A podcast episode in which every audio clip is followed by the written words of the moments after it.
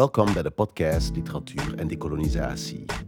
Dit is het tweede deel van deze podcast.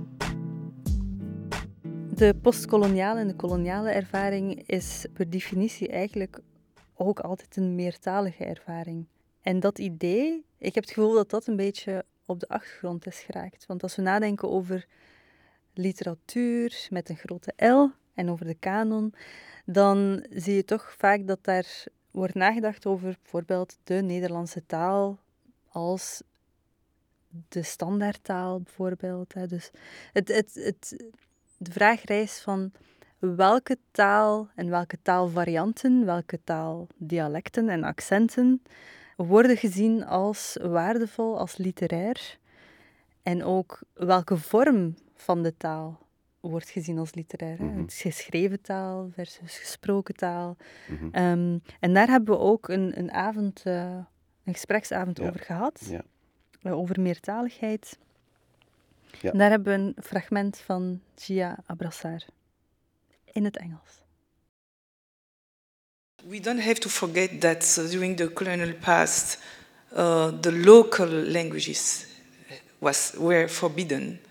And uh, even in, in the Antilles, if you, you were catched, caught, sorry, by talking the Creole or the local languages, you, you were beaten.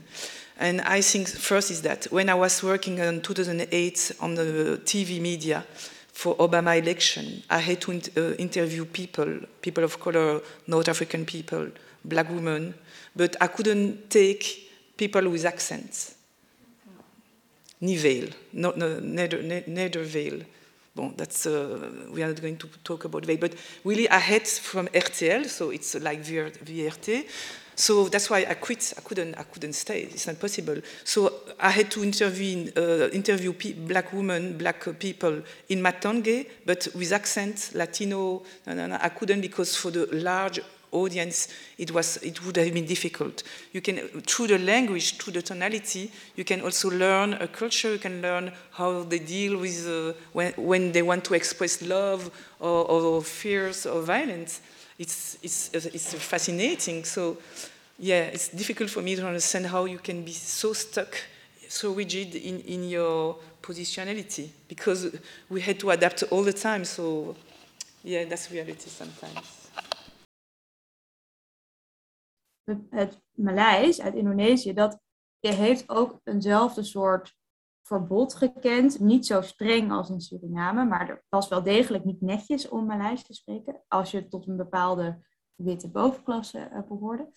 Maar ehm, dat verhaspelen van het Maleis en mengen met Nederland, dat is voor mij, met Nederlands, is voor mij heel erg, um, dat doet me heel erg denken aan uh, toen ik als klein meisje uh, bij mijn vader was en dat mijn vader dan met Indonesische vrienden ging bellen en dan op een gegeven moment het woord voor voetbalveld en het Maleis niet meer wist, weet je wel. En dan in één keer dat Nederlands er doorheen ging gooien. Dus voor mij is dat mengen juist deel van een postkoloniale identiteit.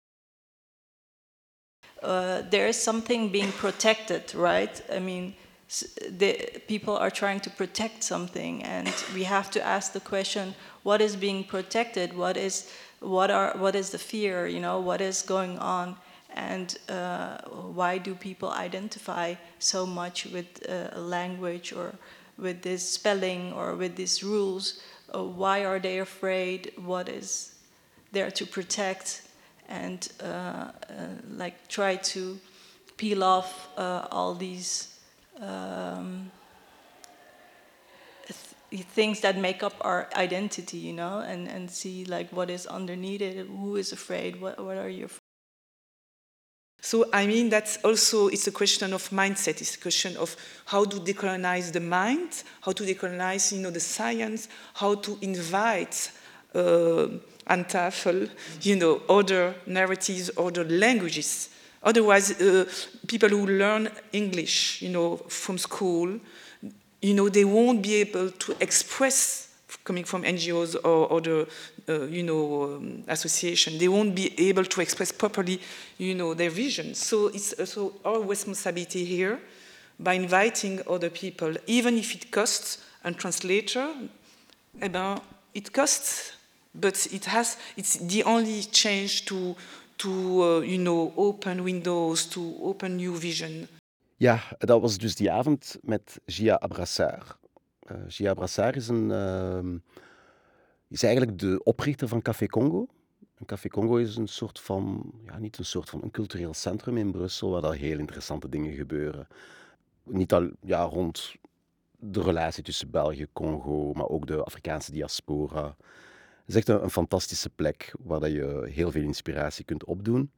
En Gia Brassard is echt wel de persoon die daar, daar volledig achter, enfin, die dat heeft opgericht en, uh, en dat ook uh, coördineert. Zij is zelf ook van uh, Congolese origine um, en is ook opgegroeid in, in België. Wat dat, um, ik interessant vind aan het fragment dat ze net voorstelde, is, is ook wel een element dat terugkomt in, in mijn onderzoek of in, in, artikels dat ik in de sociolinguïstiek heb gelezen over accent. ik denk maar bijvoorbeeld aan Nigeriaanse migranten die in Londen terechtkomen, die als eerste en beste taal het Engels gebruiken, maar daar dan gezegd worden van ja, uw Engels is eigenlijk niet goed of al sinds niet goed genoeg om in een callcenter te gaan werken, want je hebt een Nigeriaans accent. terwijl dat een Schots accent geen enkel probleem is. Maar we zien dat ook bijvoorbeeld met Frans. Frans, Frans is het levendste in Afrika, in Zwarte Afrika. De meeste Franstaligen zijn eigenlijk Zwarte Afrikanen. En toch worden die, die accenten, de manier waarop een Ivoiriaan bijvoorbeeld Frans spreekt als moedertaal, wordt gezien als slecht Frans. Als geen correct Frans. Terwijl dat eigenlijk net die mensen zijn die die, die mhm. taal eigenlijk hebben zichzelf toegeëigend. Ja. En dus je ziet dat er daar wel zo nog altijd uh, taalvariaties en bepaalde talen, hè, bepaalde talen worden gezien als, zoals je zei, ja, literair waardig, uh, prestigieuzer, hebben gewoon meer waarde. Mm -hmm. En andere talen worden hoogstens gezien als interessant voor een popliedje, maar zeker niet uh, voor, voor, een, voor een, een roman of zo. Mm -hmm. Ik denk wel dat er een, een, een, verandering bezig is, dat er veel ja. meer openheid is om het Nederlands te creoliseren in zekere zin. Uh, dus om, om toe te laten om inderdaad straattaal, dat eigenlijk al een beetje een problematische term is, maar zeggen, de taal van het volk, of hoe dat mensen nu eenmaal spreken. Hè. En dat zie je ook in, in literatuur. Ik denk, ik denk aan uh, recentere, uh, recentere boeken, zoals Fikri El Azouzi, die ook wel woorden uit het Maghrebijns Arabisch integreert in ja. het Nederlands, in zijn boeken. Dus er is daar wel meer en meer een openheid voor en ik, ik, ik juich dat alleen maar toe. Mm -hmm. Want ook ik persoonlijk, uh, ik, ik, uh, de eerste taal die ik sprak was een soort van mengeling van Lingala en Frans. Uh, ik ben het Lingala wel kwijtgespeeld, maar het is wel blijven aan, aanwezig zijn in een aantal woorden die we in intieme kringen in onze familie nog altijd gebruiken in ons Frans. Wat eigenlijk ook zeer Congolees is om zo Frans te spreken met een paar Lingala-woorden erin verwerkt.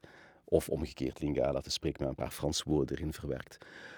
Maar door mijn meertalige opvoeding ben ik wel heel lang uh, onzeker geweest over mijn capaciteit om het Nederlands te gebruiken. Enerzijds, dus denken van ja, maar eigenlijk is mijn Nederlands nooit goed genoeg, want het is constant gecontamineerd, weer zo'n negatief woord, door het Frans en door andere dingen. Maar anderzijds ook dat gevoel van ik kan mijn eigenlijk niet kwijt in de reguliere literatuur, want daarvoor moet je standaard Nederlands gebruiken. Uh, en kan je niet die experimenten doen die je wel de laatste twintig jaar meer en meer ziet, maar die je eigenlijk vroeger uit een boze waren. Of dat ik gewoon van de ene taal naar de andere kan springen. Dat was uit een boze. En ik vond in hip-hop bijvoorbeeld wel de mogelijkheid om meertalig te zijn. Maar echt de full Monty uh, meertalig te zijn. En ik had ook zo uh, vroeger een, een, hip-hop project samen met vrienden, waarbij dat we in Swahili, Lingala, in Frans, in Spaans, uh, in het Nederlands, alles door elkaar eigenlijk rapten. En dat was, enfin, we, hebben, we hebben daar geen grote hits mm -hmm. mee gescoord, maar we konden daarmee wel ons, ons ding doen en uh, authentiek ja. blijven. Ja, dat zie je in hedendaagse Nederlandstalige hip-hop, uh, dat wat nu een van de populairste muziekgenres is in Nederland, zie je heel veel code switching en verschillende, niet alleen verschillende talen, maar ook verschillende sociolecten, uh, die echt helemaal gemixt worden. Je kan naar één lied luisteren en vijf verschillende talen horen. Drie verschillende sociolecten. Ik vind, dat daar, ik vind in die chaos van taal of zo, vind daar heel veel schoonheid in. Ook omdat het voor mij heel herkenbaar is. Ik ben ook een meertalige opgevoed. En het is ook, in sommige talen kan je bepaalde zaken niet verwoorden of verbeelden, verbeelden op een manier dat je dat in een andere taal kan. Ja, want sommige zaken zijn gewoon onvertaalbaar. en uh, om dat te kunnen doen, die verschillende talen gebruiken in een literaire productie, lijkt mij alleen maar uh, zorg voor meer mogelijkheden. En als ik denk aan het mixen van talen en taalexperiment, literair gezien, dan denk ik ook aan een schrijver als Edgar Cairo, die ook uitvoerig aan bod is gekomen tijdens een van onze gespreksavonden. Hij is een Surinaamse dichter, vooral schreef in de jaren tachtig. En hij was best extreem in zijn taalexperiment. Karin Amatmoukrim heeft het ook even over hem gehad en we gaan daar nu even naar luisteren. Niemand deed wat hij deed met de Nederlandse taal. Het was explosief, het was, het was uh, overtuigd van zichzelf. Ik denk als de nieuwe generatie zwarte of gekleurde Nederlanders hem nu leest, dan resoneert het veel meer. Mm -hmm. Maar dan moeten wij eigenlijk vanuit onze instituten en onze omgevingen, moeten we zulke mensen weer voor het voetlicht brengen. Edgar Cairo was, was uh, we zouden hem nu unapologetic noemen. Het was een schrijver die er met gestrekt been inging in interviews. Hij was uh, in die tijd, dus zeg maar, nou, laten we zeggen 40 jaar geleden, uh, stond hij op de barricade om te demonstreren, of tenminste om zich hard te maken tegen Zwarte Piet bijvoorbeeld. Iets wat we nu natuurlijk, uh, wat nu al weerstand oproept. Maar je kan je voorstellen ja. dat toen hij dat 40 jaar geleden deed, dacht van jeetje, moet je. Pff. Hij werd een beetje gezien als een soort gekke man. Suriname is natuurlijk gecondenseerd door Nederland, dat weet iedereen wel. Alleen uh, de mensen die daar wonen mochten hun eigen taal niet spreken. Uh, ze werden gedwongen om Nederlands te spreken. Zeker in de, uh, in de, slaaf, in de tijd van de slavernij mochten zij ook niet hun eigen geloof, eigen rituelen en zo. Dat was allemaal verboden. Ehm, en dat was voor hem ook wel een reden om juist, zeg maar, Surinaams in zijn Nederlandse boeken te stoppen. Mm -hmm hij, uh, hij, had echt een, hij ontwikkelde zeg maar een eigen taal, omdat hij vond, weet je, uh, we hebben heel lang deze taal niet mogen spreken, dus nu doe ik het en doe ik het ook op mijn manier en niemand kan me daar ook van weerhouden. And the Maoons uh, during the, the, the, slave period, they were using uh, the Creole or, or the um, patois or the um, language system to, to exchange and to protect themselves uh, against the, the colonizer or the, the, you know, the, the chief, the master of the plantation. Uh, in, in Jamaica, apparently they were uh, during the, the the periple. They were the first, the most rebel uh, black men or people were uh, delivered, released uh, in Jamaica, and then they have a, a certain slang, or and this, they refuse to to say "I understand you, chief." The the change in "I overstand you."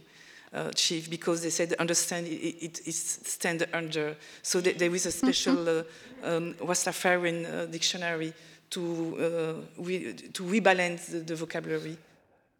Een ander element uh, waar ik aan denk wanneer dat het hebt over Edgar Cairo, die als een gekke man zou afgeschilderd geweest zijn, of uh, unapologetic zichzelf kon zijn en ging rammelen met de Nederlandse taal op een zeer authentieke manier.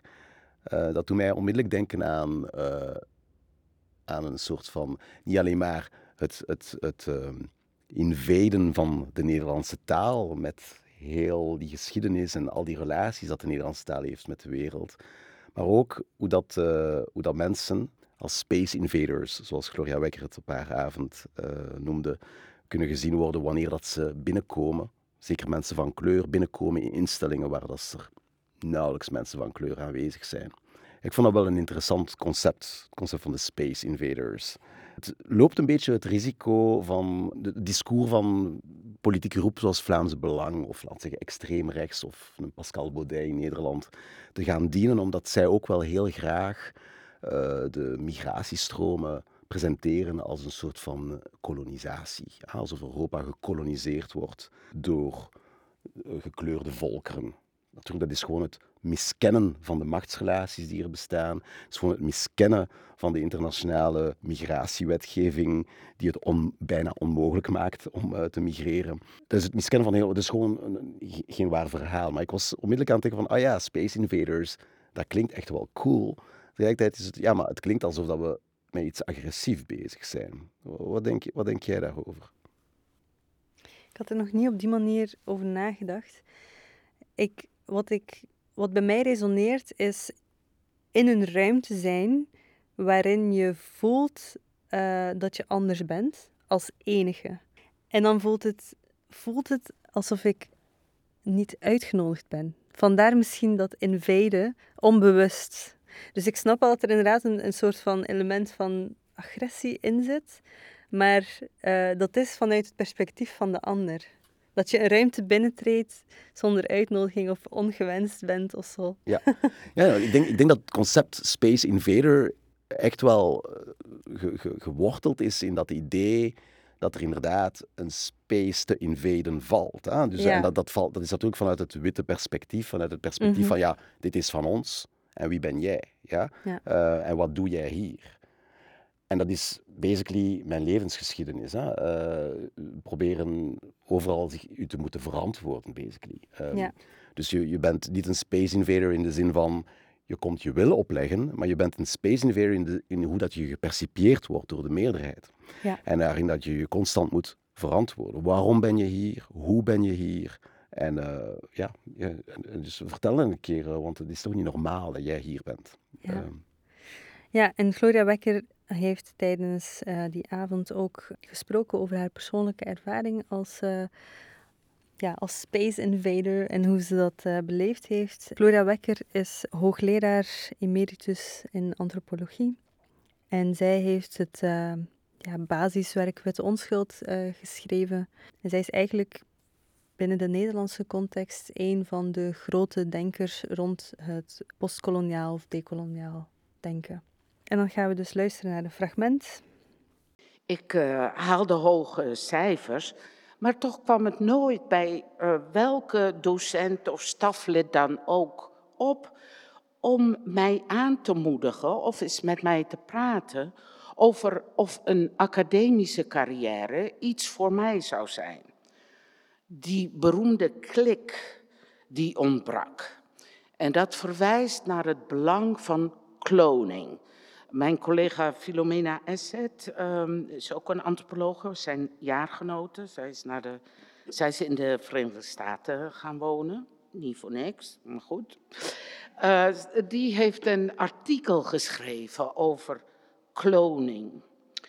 En zij zegt eigenlijk dat mensen die in posities van macht verkeren, bewust of onbewust, kijken naar iemand die op ze lijkt.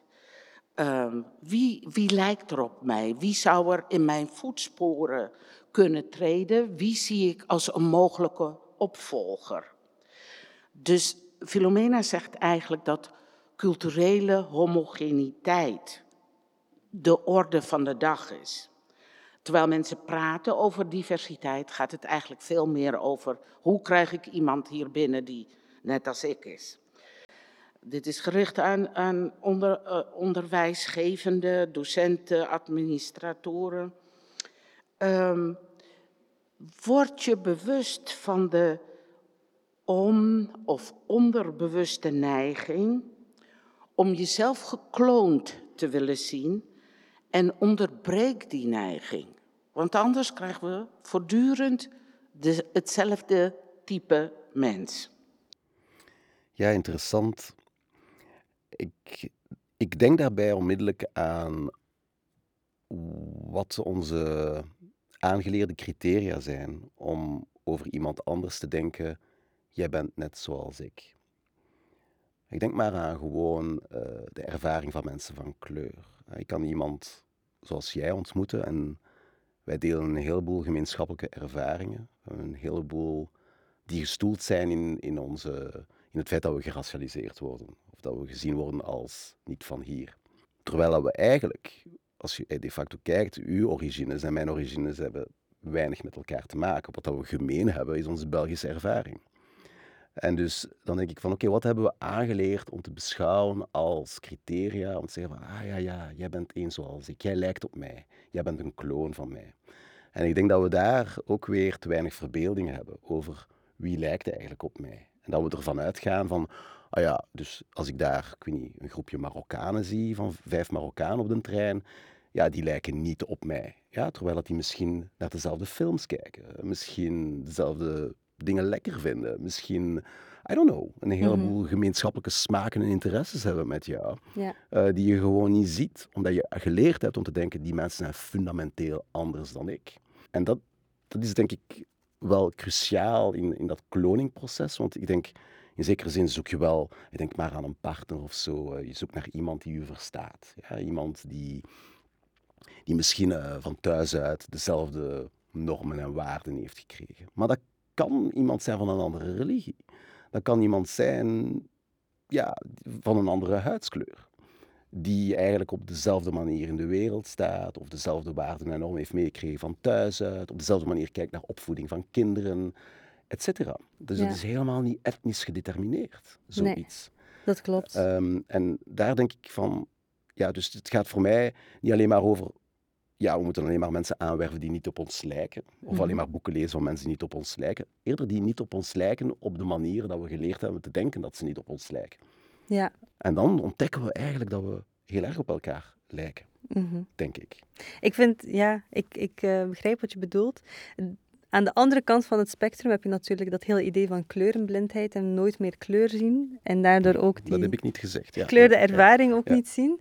Dus we moeten daar ergens een middenweg in vinden. Ja. En ja, ik weet niet, maar een van de mooiste dingen aan literatuur en literatuur lezen, vind ik net een perspectief lezen van iemand die totaal niet op jou lijkt. Ja, en tegelijkertijd die persoon snappen. Precies. Ja, en, en zoiets van ja, ja ik, ik- meevoelen met die persoon. Zelf, dat kan een seriemoordenaar zijn. En toch zoiets hebben van ja, ik snap die persoon. Ja. Dat is wat de literatuur doet. Hè. Ehm, maar, ja, dus dat, dat, meer van dat. Ja. Ah ja, niet, niet om eh, mee te leven met seriemoordenaars. Pas op, dat, dat, is niet wat ik wou zeggen. ja. Eh, dat we, maar je begrijpt mijn punt wel. Hè. Zeker. Hm. Maar over dat problematische van dus dat cloning waar Asset het over heeft. Gloria Wekker vertelde dan een anekdote over dat ze een recensie had geschreven over een boek.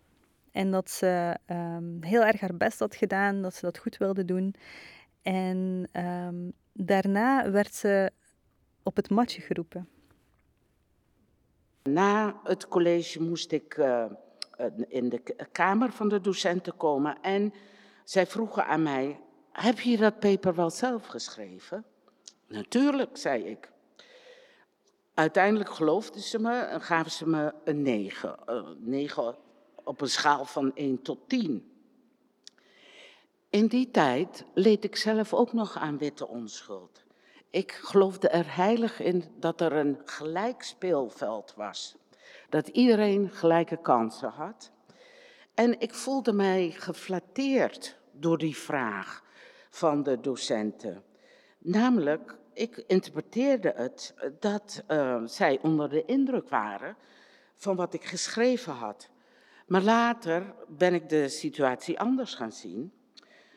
Ehm, en kwam ik, eh, heb ik het zo geïnterpreteerd dat ze eigenlijk niet konden geloven dat ik het geschreven had. Dat ik als jonge zwarte vrouw in staat was zo'n paper te schrijven. En zij dachten dat, ik, eh, dat iemand anders het voor me geschreven had of dat ik plagiaat gepleegd had. Wie mij vooraan zag zitten of die het eh, ongeluk had om achter mij te zitten, die zag mij eigenlijk de hele tijd knikken. eh, bij zo vrijwel elke zin die Gloria ehm, liet vallen. Dat is nu eenmaal wat er gebeurt als één Space Invader een andere herkent. Herkenbaarheid. Ehm, herkenbaarheid helaas voor een groot stuk niet in de positieve zin. Het gecontesteerd zijn van uw weten, ook heel vroeg geïnstalleerd bij mij. Ik was zo'n 13 jaar toen ik ehm, na de les bij de leerkracht werd gevraagd, omdat ik werd beschuldigd van plagiaat bij een opstel over ons lievelingslied, ehm, in mijn geval Bohemian Rhapsody. De eenzaamheid ook, waar Paula het over had, waar Gloria het over had.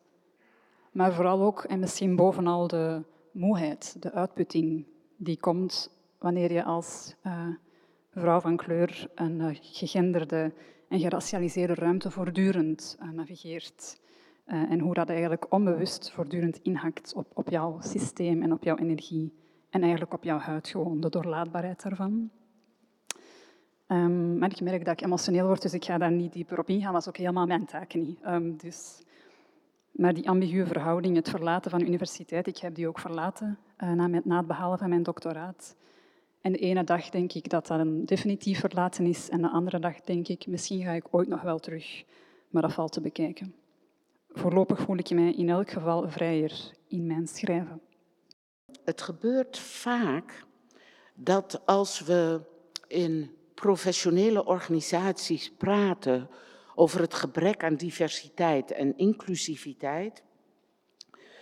Waarom zijn er zo weinig vrouwen? Waarom zijn er zo weinig mensen van kleur in een bepaalde organisatie? En het kan gaan over een, een zakelijk imperium of over de universiteit.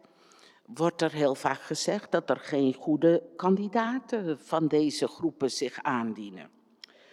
Um, dus dat betekent dat diversiteit en kwaliteit gezien worden als in spanning met elkaar. Dat ze niet allebei tegelijk het geval kunnen zijn.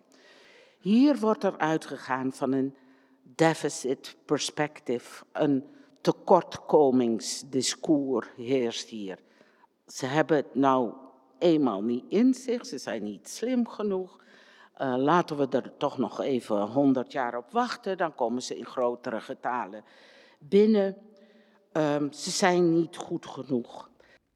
Ja, dat staat dus perfect in lijn met de Space Invaders die zich constant moeten verantwoorden. Ja, dat is weer een verantwoording van leg een keer uit hoe dat het komt dat jij zo goed Nederlands kunt spreken. Want dit snap ik niet. Dat continu moeten verantwoorden, dat is natuurlijk heel tragisch. Uh, want wat je vaak hoort in professionele contexten, bij die instellingen, die vaak heel wit blijven, is dat het gebrek aan diversiteit of inclusie, uh, dat dat komt omdat talent zich niet aandient. Uh, om het even zo te zeggen. En dat zorgt er eigenlijk voor dat je vast komt te zitten in een denken waarin kwaliteit en inclusie en diversiteit, dat die op gespannen voet staan met elkaar. Dat, dat je beide samen niet kan hebben. Maar in het geval van Gloria Wekker, als kwaliteit zich dan voordoet, dan zie je het niet of wil je het niet geloven. En dat is, dat is, uh, dat is heel tragisch en zorgt ook voor een bepaalde vermoeidheid bij mensen van kleur, merk ik. En um, op een van die avonden waar Gloria Wekker ook haar verhaal deed, uh, was uh, dichter en schrijver Yusra Benfki, die zelf ook een academische achtergrond heeft in mensenrechten. En zij reageerde hierop. Ja, als ik nu, als ik nu denk aan wat het, uh, Yusra die avond vertelde en over uh, de emotionele impact van uh, dat zich moeten verantwoorden, dan denk ik ook aan, aan een, een zeker gewicht dat je als persoon van kleur in witte instellingen ervaart zeker, en dat is ook een thema dat, dat die avond nog aan bod is gekomen, ook op andere avonden, over dat gevoel dat je een soort van uh, personificatie bent van diversiteit. En dus ook ergens verantwoordelijk wordt gesteld voor, uh, om diversiteit en inclusie tot een goed einde te brengen. Je ja. hebt wel een beetje die, een rolmodellenfunctie, maar dat is natuurlijk extra gewicht op, op jouw schouders. En vaak kijken mensen ook naar jou om een antwoord te geven op een bepaald probleem. Misschien het feit dat wij dat ze ons gevraagd hebben om zo'n uh, lezingenreeks rond literatuur en decolonisering te organiseren, daar ergens ook een rol in speelt. Nu, ik heb dat met heel veel plezier gedaan, omdat het mm -hmm. heel, heel erg aansluit bij mijn interesses. Mm -hmm. Maar er, hangt, er is er ook wel een, een, een moeilijkere kant aan, uh, over ja, wie moet het werk eigenlijk doen. Um, en ik denk dat uh, eh, dat we nu ook misschien naar een fragmentje kunnen luisteren van Gloria Wekker, waar dat zij ook dat, dat element thematiseert.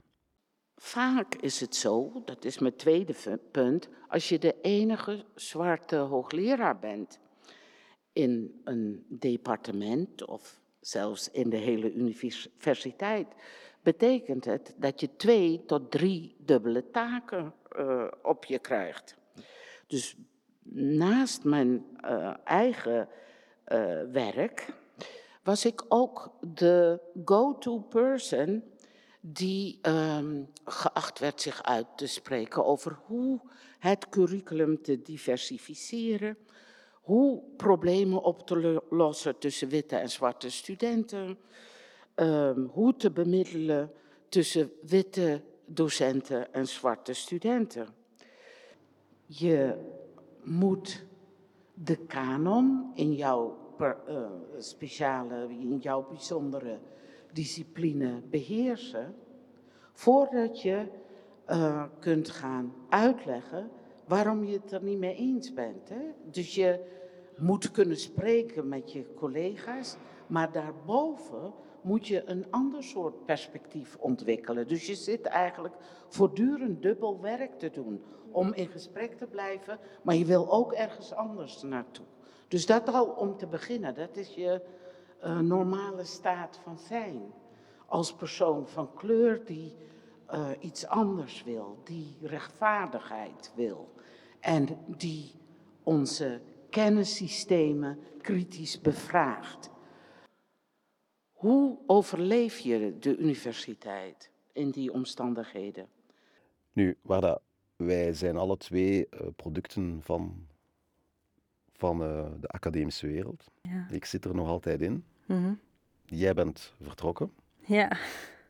Uh, herken je jezelf in, in die fragmenten? Ja, heel erg. Zij heeft het enerzijds over de go-to persoon zijn om alles wat te maken heeft met diversiteit en inclusie, om daar een soort van consultant, free consultant voor te zijn. Maar aan de andere kant ook in die rol zitten van de taal spreken en de kennis beheersen en dan daarna in diezelfde taal en met die kennis uitleggen waarom je het niet eens bent met iets, omdat je naar een rechtvaardiger doel wil gaan. Dat dubbelwerk vind ik nog een, nog een ander soort dubbelwerk dan dat eerste fragment, maar uh, dat resoneerde heel erg bij mij. Omdat je voelt, alsof je had het daarnet over een bepaalde verantwoordelijkheid, maar bij mij voelt het ook echt als een bepaalde verantwoordelijkheid om de instelling mee te, te trekken naar, in een bepaalde richting. En dat is eigenlijk een last die je als individu niet kan dragen. En uh, wanneer dat Yusra het heeft over die, die emotionele uitputting, dan herken ik dat wel heel erg. En dat is niet eigen voor universiteit. Ik denk dat het op heel veel werkplekken zo is waar mensen van kleur in de minderheid zijn of als enige aanwezig zijn. Het is een, een heel precaire rol ook, omdat mensen uit je eigen community ook jouw kant uh, opkijken. Van, mm -hmm. dit is de situatie of dit en dat is gebeurd. Mm -hmm. Wat ga je eraan doen? Ja. Je moet iets doen. Mm -hmm. ja, ik vind het ook heel moeilijk schipperen um, daartussen, omdat ik constant ook het gevoel heb van uh, opgeslopt te worden door de academische wereld en er zelf gewoon, ja, gewoon ook een witte man te worden in zekere zin. Uh, dus, en dus dat, dat constant in vraag stel. Maar tegelijkertijd uh, vind ik het... Ja, ik herken mij volledig in dat ding van je moet eigenlijk de, je moet eigenlijk de Europese geschiedenis en de Nederlandstalige cultuur beter kennen dan gelijk wie. Om te kunnen beginnen bekritiseren en om ook een alternatief aan te bieden. Maar in dat proces om natuurlijk een expert te worden in de Europese geschiedenis en cultuur, uh, loop je het risico om een product te worden of, of een, Mm. een, een, ja, om er eigenlijk door opgeslopt te worden. Ja. En dus dat is een, dat is een moeilijk evenwicht, want ik, ik, ik zie mezelf in de academische wereld, maar ik probeer ook tegelijkertijd de verwachtingen van de academische wereld te weigeren. Uh, en ik probeer dus niet voor de academische wereld te werken, wel in de academische wereld, maar niet voor de belangen van die academische wereld. Dat is een heel moeilijk schipperen, want het is natuurlijk voor iedereen keihard in de academische wereld. Ik bedoel, de universiteit heeft een cultuur van overwerk, uh, een cultuur van, van weekendwerk. Enfin, er, er, er hangt een zekere cultuur, mentaliteit, waarbij dat mensen ja, klagen over avondwerk of zo, maakt niet echt deel uit van wat dat kan. Hè. Dus, je, dus iedereen zit zichzelf op te branden eigenlijk ehm, Mhm. aan de universiteit. Ehm, maar dat komt dan bovenop. En als ik denk ook aan mijn onderzoek, voor mij kwam dat er nog bovenop. Dat dat, en dat is iets dat ik pas besefte toen ik aan het schrijven was, dat het eigenlijk behoorlijk, eh, behoorlijk persoonlijk wordt. Ja. Eh, dus mijn Mhm. onderzoek komt heel dichtbij. Dat is niet gewoon een object dat ik daar bestudeer. Ja. Eh, dat is iets dat, ik, dat, dat mij raakt, persoonlijk. Eh, dus ik denk ook aan mijn onderzoeksparticipanten, dat dat mensen zijn waarvan ik ja, besefte van, oh, eigenlijk, voor hetzelfde geld, had ik iets minder geluk gehad. Was er X, Y, Z niet op die en die manier af verlopen, dan was ik misschien een veiligheidsagent eh, voor de Deleuze. Dat kan. Ik bedoel, ik... Dat, dat, enfin, en dat, brengt, dat brengt wel dingen... ehm, ja, dat maakt het extra moeilijk eigenlijk om een doctoraat te schrijven, et cetera. Mhm. En, eh, en daarbovenop komt natuurlijk eh, het structureel racisme dat je, waarmee dat je geconfronteerd wordt eh, in de bredere maatschappij. Dus ja, je hebt er wel een beetje het gevoel van ik moet superman zijn om eh, gewoon te zijn. Dus de lat ligt heel hoog. Dat is toch een gevoel dat ik heb, ja. ja. Tegenwoordig is het zo dat je niet onwetend hoeft te zijn. Er is heel veel op internet te vinden over witheid, over de privileges, over hoe mensen, witte mensen, actief een rol zouden kunnen spelen in deze strijd. Dus ik vind ook dat we van mensen zelf dingen moeten kunnen verwachten. En ook dat zij zichzelf daarvan bewust moeten zijn, wat hun eigen verantwoordelijkheid is. Dat is eh, namelijk een van de vragen die het meest eh, op zulke avonden aan bod komt. Hè? Van wat moet ik nu gaan doen als witte student of witte docent? En daarvan vind ik, ja, ehm, ik vind dat dit een gezamenlijke verantwoordelijkheid is. Iedereen heeft daar een rol in. Die rol is anders. Maar om te vragen van wat moet ik nu gaan doen, betekent dat je je verantwoordelijkheid afgeeft. En eh, ik kan die last niet dragen. Ik heb al genoeg om handen. Ja, waar dan? Er is nog veel werk aan de winkel. Hè? We zijn er nog niet. Ja. Deze podcast is misschien een bescheiden bijdrage tot het verder uitbouwen van, van het gesprek. Maar vandaag is natuurlijk de kanon nog altijd wit. Voornamelijk wit. Nee, helemaal wit. En voornamelijk mannelijk. En ehm, er is wel discussie over een aantal problematische teksten. Maar het feit dat we vinden dat, dat het concept Space Invader nog altijd resoneert, betekent dat er eigenlijk nog altijd een probleem is. En ehm, soms geraak ik alleszins een beetje ontmoedigd. Zoals we ook gezegd hebben, je hebt de link tussen, het is zeer persoonlijk, zeer emotioneel, tegelijkertijd is het ook onze expertise en ook ons werk. Dus we leven in een tijd waar er steeds meer discussie is over evenwicht tussen werk en privé. Maar dit is nu echt wel een voorbeeld waarbij dat werk en privé volledig in elkaar overgaan en dat er eigenlijk niet echt een manier is om die uit elkaar te trekken. Hoe blijf jij gemotiveerd worden? Ik moet eerlijk bekennen dat ik niet constant gemotiveerd ben, maar echt periodes van gemotiveerd en hoopvol zijn afwissel met periodes waarin ik wat minder energie en ruimte voel en minder hoop heb. Maar ja, initiatieven zoals, zoals dit, dat we nu een ruimte hebben waarin we dit soort gesprekken kunnen voeren, dat stemt me wel hoopvol. Ook het hele traject van het curatorschap, als ik uh, even terugblik uh, hoe de reeks tot stand is gekomen, hoe uh, enthousiast eigenlijk alle partners waren en de sprekers. en we hebben met deze reeks ook het grootste publiek ooit bereikt, met de lezingreeks van, van letterkunde. Dus dat betekent wel echt dat mensen niet alleen geïnteresseerd zijn, maar ook gemotiveerd zijn om iets te doen. Want het is een vraagstuk waarbij mensen vaak zeggen: wat, ik, ik, ik heb er niet genoeg kennis over en ik weet niet wat ik moet doen. En dat, dat, dat die goodwill er in ieder geval is, dat, uh, dat stemt me hoopvol. Alleen Het is, dat is typisch iets aan mijn eigen persoonlijkheid. Ik wou gewoon dat het allemaal veel sneller uh, kon gaan. Want decoloniseren, dit, waar we het nu allemaal over hebben, die vraagstukken, dat zijn vraagstukken die, dat is een, dat is een proces. Dat, dat zullen we niet in één jaar curatorschap oplossen. Daar hebben we echt heel wat tijd voor nodig. Omdat het echt, het is, het is literatuur, het is literatuurwetenschap, het is de universiteit, de instelling, het onderwijs in de kern aanpakken. dat doe je niet van vandaag op morgen. Het is ook iets wat eeuwenlang zo, dat systemen die eeuwenlang zo zijn geëvolueerd. Dus dat heeft gewoon tijd nodig. En dat staat ja, echt op gespannen voet met de maatschappelijke urgentie van het thema. En daar voel ik soms wel wat frustratie over.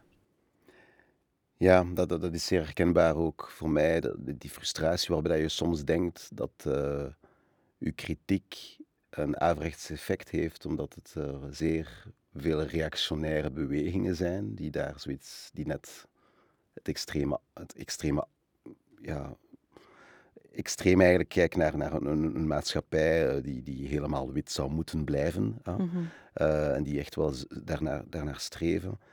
En dat, dat, dat, kan mij soms een beetje wanhopig maken. Ik denk daar ook eh, onmiddellijk aan, in de avond met Gloria Wekker was er ook sprake over en ik dat is zeer herkenbaar bij, bij studenten bij mij ook, die altijd eh, die vraag stellen van ja, maar wat kan ik doen als witte persoon? Ik ben wit, dus ik kan eigenlijk niks doen. En, en ik denk dat het daar zeer belangrijk is om, om terug te gaan naar, naar het begin van onze podcast, waar we hadden over relationaliteit en over samenwerking en dialoog. En dat uh, bondgenoten uh, en bondgenootschap uh, daarin essentieel is.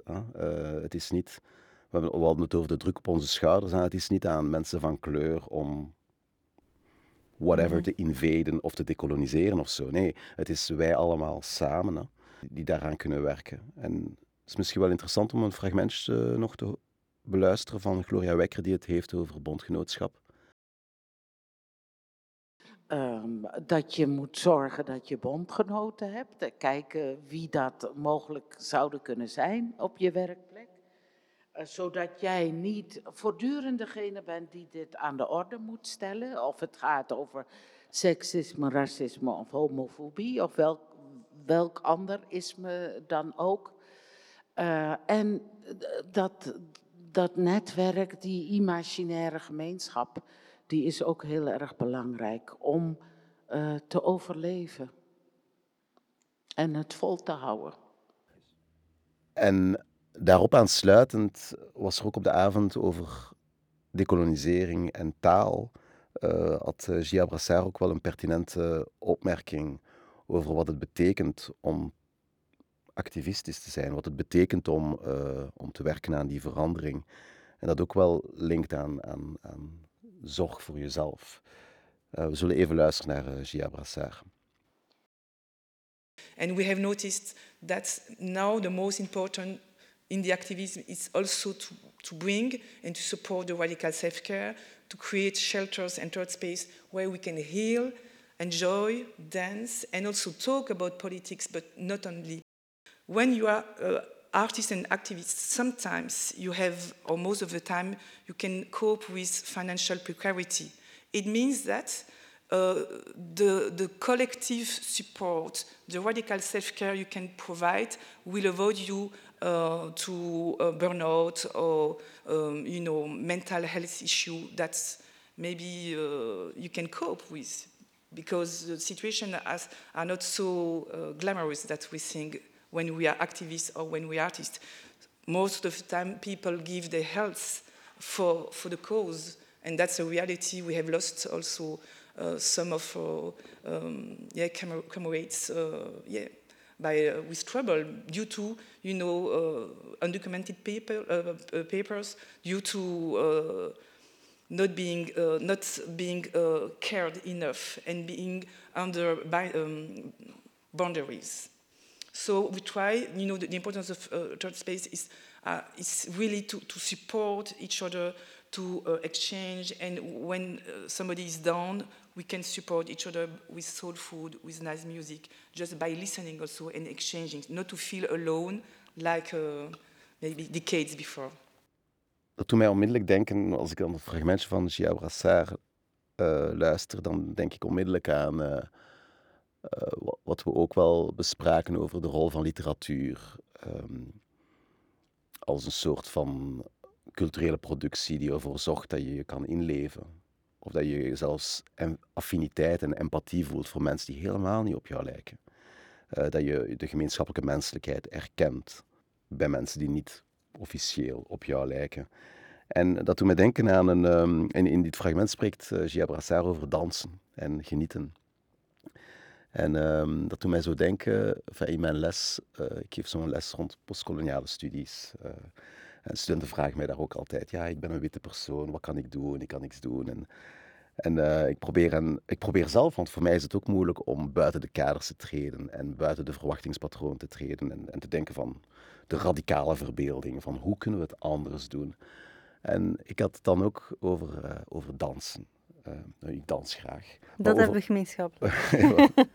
over wat dat dansen eigenlijk is en hoe dat je er soms in kunt slagen om een connectie te vinden met iemand waar je zelfs geen woord mee gewisseld hebt, maar waar je mee kunt dansen. En dat je dat, dat ook een vorm van dialoog is en een vorm van erkenning. Nog eens, ik ben hier geen voorstander van kleurenblindheid of zo. Ik, ik, ben, ik, wil, ik wil dat zeker duidelijk maken van dat dat niet zo is, maar dat wel in cultuur, dat vaak ons antwoord niet per se ligt in academische papers, maar in wat dat we doen. Um, en in gewoon deelnemen aan culturele activiteiten. En ik, voor mij persoonlijk, als iemand die opgegroeid is met hip-hop, was dat eigenlijk de plek uh, waar dat je deelneemt aan, aan culturele activiteit. Wat dat kan geïnterpreteerd worden als literatuur, als dans, als uh, schilderkunst, als heel veel verschillende disciplines.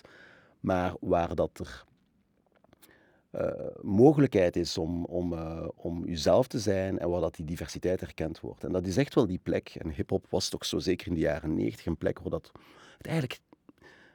Het, is, het was niet kleurenblind, nee, het was zeer bewust van kleur. Maar tegelijkertijd maakte het ook niet uit. In de zin van iedereen kon er kon er deel van uitmaken. Het was niet van ah ja, alleen maar mensen van kleur. Nee, iedereen kan er deel van uitmaken. Het was wel een zeer mannelijke bedoeling, dat moet ik wel toegeven. Maar het was voor mij althans als man van kleur een plek waar dat kleur erkend werd en tegelijkertijd en een plek kreeg en ook wel uitgedrukt werd. En tegelijkertijd ook een plek waar dat mensen van heel veel verschillende origines samen een nieuwe cultuur aan het creëren zijn. From scratch. En dat vond, vond ik wel, ah ja, dat vind ik nog altijd uh, een soort van manier om te kijken naar om die radicale verbeelding in, uh, in gang te steken. Je zei net, uh, Sibo, van hip-hop heeft voor jou heel veel betekend en dat dat een heel mannelijke bedoeling was. Maar hip-hop heeft voor mij eigenlijk als vrouw ook heel veel betekend, ondanks dat het een heel masculine uh, cultuuruitdrukking is. Omdat ik hip-hop ook echt als ja, een soort literaire vorm zie van, van, van muziek. Een soort van woordkunst, poëzie. En uh, Gia Brassard had daar ook nog een, een, een mooie tip over. Zij zegt het volgende. You know, poetry is like a, a flavor, it's like the wind, it's like the sun. It's really essential in everybody's life. If you love poetry, any kind of, it means that you have a special sensitiveness and special connection how to handle uh, earth, how to live better. We try to live better every day. But it's like when you're doing a coffee, you, you, don't only drink your coffee with your mouth, you can smell it, you can uh, uh, you know, touch the grains. Poetry is like that. You can share at any kind of moment when you are sad. I think poetry is a good healer, a good support when you are sad. Also, there are amazing poets that really can heal you, can uh, respond to your loneliness, your sadness. I think art is a good medium also to smoothen uh, stuff. So when you are all the time in the struggle to negotiate, for example, how to decolonize the public spaces, if you, all, if you don't have arts uh, as a medium, if you don't have uh, the, the, the, vision of the artist uh, where they can translate that in paintings, uh, in performance, uh, in poetry, in literature, you can, your spirit, you can die, you can drown yourself. So, so I think that if you want to balance, to have a, a good life, to, to create serenity and peace uh, for your heart, for your mind, and to still be in, in the love, in love, uh, you need art and you need uh, to be connected with the artist. zonder poëzie al te veel te willen instrumentaliseren, vind ik dat, vond ik dat wel een heel mooi en ehm, troostend uh, fragment. Omdat poëzie op dit moment, ja, als we dan kijken naar echt het geschreven woord poëzie in een boek, als je dat leest, dat is natuurlijk een heel ja, intieme setting waarin je alleen bent en je iets probeert, woorden probeert te begrijpen, woorden die je proberen te troosten of ook niet. Werkt poëzie ook voor jou op deze manier? Ja, zeer zeker. En, en, en de, de, de link met, met rap is natuurlijk voor mij zeer, zeer evident. Ik, denk, ik zou durven zeggen dat zelfs rap mij eigenlijk heeft leren, heeft mij leren een, een, taal, een, een taalkunstenaar te zijn of een, een woordkunstenaar te zijn. Mhm. Eh, en heeft mij geleerd om, uh, om mijn mijn diversiteit aan zich te omarmen en niet het gevoel te hebben dat ik een of andere steriele versie van mezelf moet reproduceren in het standaard Nederlands om mhm. eh, iets ernstigs te kunnen, te kunnen vertellen. Ja. Ik vind ook wel wat Gia Brassard zegt over poëzie, ja, dat, dat, klinkt enorm voor mij. Ik ben een behoorlijke fan van Aimé Césaire, die trouwens uh, wiens discours sur le kolonialisme net vertaald is naar het Nederlands voor de eerste keer, 70 jaar na datum. Een fantastische tekst waarin dat hij er ook in slaagt om, om uh, historische analyse te verenigen met een poëtische stijl.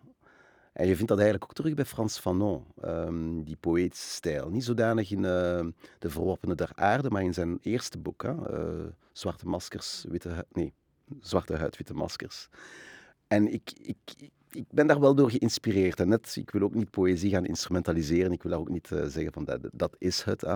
Maar Aimé Césaire heeft daar ook wel veel over geschreven, over die, die, dat spanningsveld tussen kennis en poëzie. En poëtische kennis. Wat, wat is dat dan, poëtische mhm. kennis? En ik moet eerlijk zeggen dat ik heel veel geleerd heb van, van rap. Van, uh, gewoon van naar rap te luisteren. Niet alleen maar over erkenning en zo, maar dat is echt wel... Je kunt dat beschouwen als didactisch materiaal. En ik denk ook wel dat steeds meer leerkrachten dat ook wel gebruiken als een soort van brug om uh, jongeren te introduceren tot literatuur. Want hip-hop is literatuur.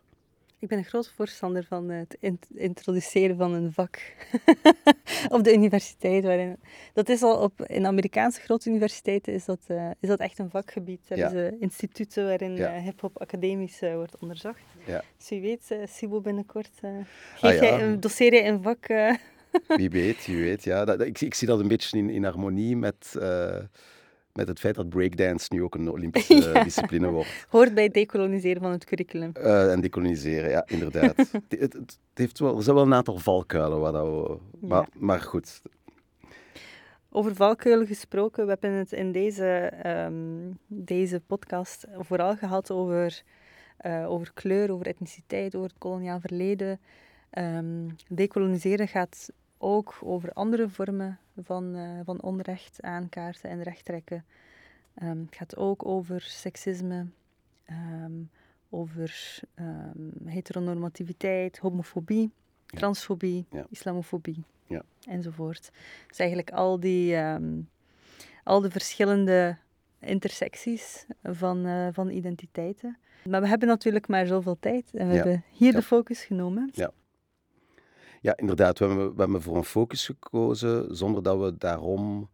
Uh, we willen zeker niet ontkennen uh, of zeggen dat dat het belangrijkste is, maar ik denk we zijn gewoon een eerste stap aan het zetten in die richting. Maar het is toch wel belangrijk om aan te kaarten dat, uh, dat er ook wel een uitgebreide literatuur bestaat die aantoont dat de marginalisering van de vrouw en de heksenvervolgingen bijvoorbeeld vooral in het begin van de moderniteit. Hè, dus dat dat eigenlijk samenhangt en ja. Eh, moet, moet gezien worden vanuit hetzelfde perspectief en vanuit dezelfde dynamieken uh, van het kapitalisme en de kolonisatie, waarbij uh, ja, uh, bepaalde mensen gratis arbeid gaan leveren ja. of anders doodgaan. Ja. Um, dus opnieuw het pleiten voor die samenhang onderzoeken en Ja, die we kunnen het niet hebben over racisme zonder te spreken over seksisme en, ja. en, homofobie en, en et cetera. Want zo complex is die realiteit gewoon. Ja, het is allemaal heel, heel complex, inderdaad. Ja. En met de vaststelling van deze complexe realiteit moeten we ook vaststellen dat er nog heel veel werk aan de winkel is en dat het nog lang niet af is. Maar wij moeten hier ons gesprek afronden. We bedanken jullie om te luisteren En we bedanken ook alle partners die dit mede mogelijk hebben gemaakt, zowel de lezingenreeks als deze podcast. En uh, ook onze collega's, het team, um, de directeur van de Humanities Academie, Ilse de Vos, maar ook Lieselotte Taaien en Sarah Adams, um, zonder wiens hulp uh, dit niet mogelijk was geweest. Deze podcast over literatuur en decolonisering kwam tot stand dankzij de samenwerking en de ondersteuning van Vlaams-Nederlands Huis De Buren, Nederlandse ambassade in Brussel, NT Gent, Bibliotheek De Krook, KASK, het Poëziecentrum, het Gens Universitair Museum, de Faculteitsbibliotheek Letteren en Wijsbegeerte, AMSAP, het Gens Afrika Platform, ESPAM, Human Rights Research Network, Avanza en DECO, FLW Studentenvereniging. Deze podcast komt tot stand dankzij de technische ondersteuning van Collectief Verhalen, als ook het Vlaams-Nederlands Huis de Buren en de medewerking van Isha van der Beek.